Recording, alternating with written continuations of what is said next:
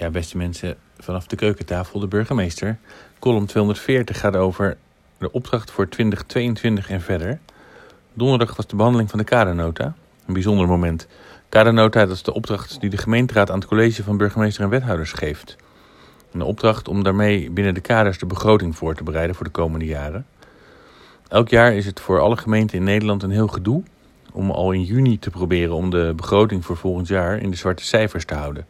Elk jaar lukt dat weer redelijk, omdat er dan halverwege het jaar vaak eenmalig geld voor even een beetje bijkomt vanuit het Rijk. Maar het is natuurlijk lastig om met zulke onduidelijkheden een lange termijn planning te maken. Van ja, ga je bezuinigen alvast of niet? Nou, liever niet, maar ja. de raad is natuurlijk de baas, de gemeenteraad. Dus als zij akkoord gaan, dan kunnen we pas als organisatie door. Het college dat doet dan voorstellen. En die staan dan ter discussie in een lange vergadering. Dat was donderdag ook het geval.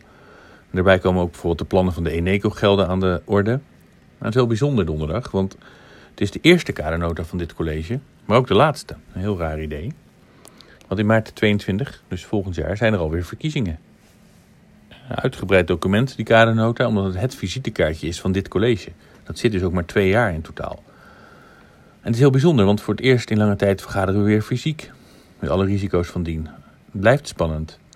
U kunt de stukken ook lezen op de website van de gemeente, wat we allemaal voor plannen hebben. Over DCV, de hockey, over een school, andere scholen enzovoort enzovoort.